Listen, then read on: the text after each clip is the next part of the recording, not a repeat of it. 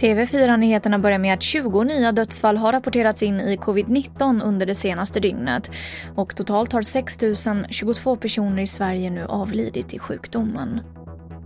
Södersjukhuset i Stockholm går upp i stabsläge. Sjukhuset skriver i ett pressmeddelande att man gör det här på grund av den kraftiga ökningen av antalet smittade i regionen och att många fler söker sjukhusvård för symptom relaterat till covid-19.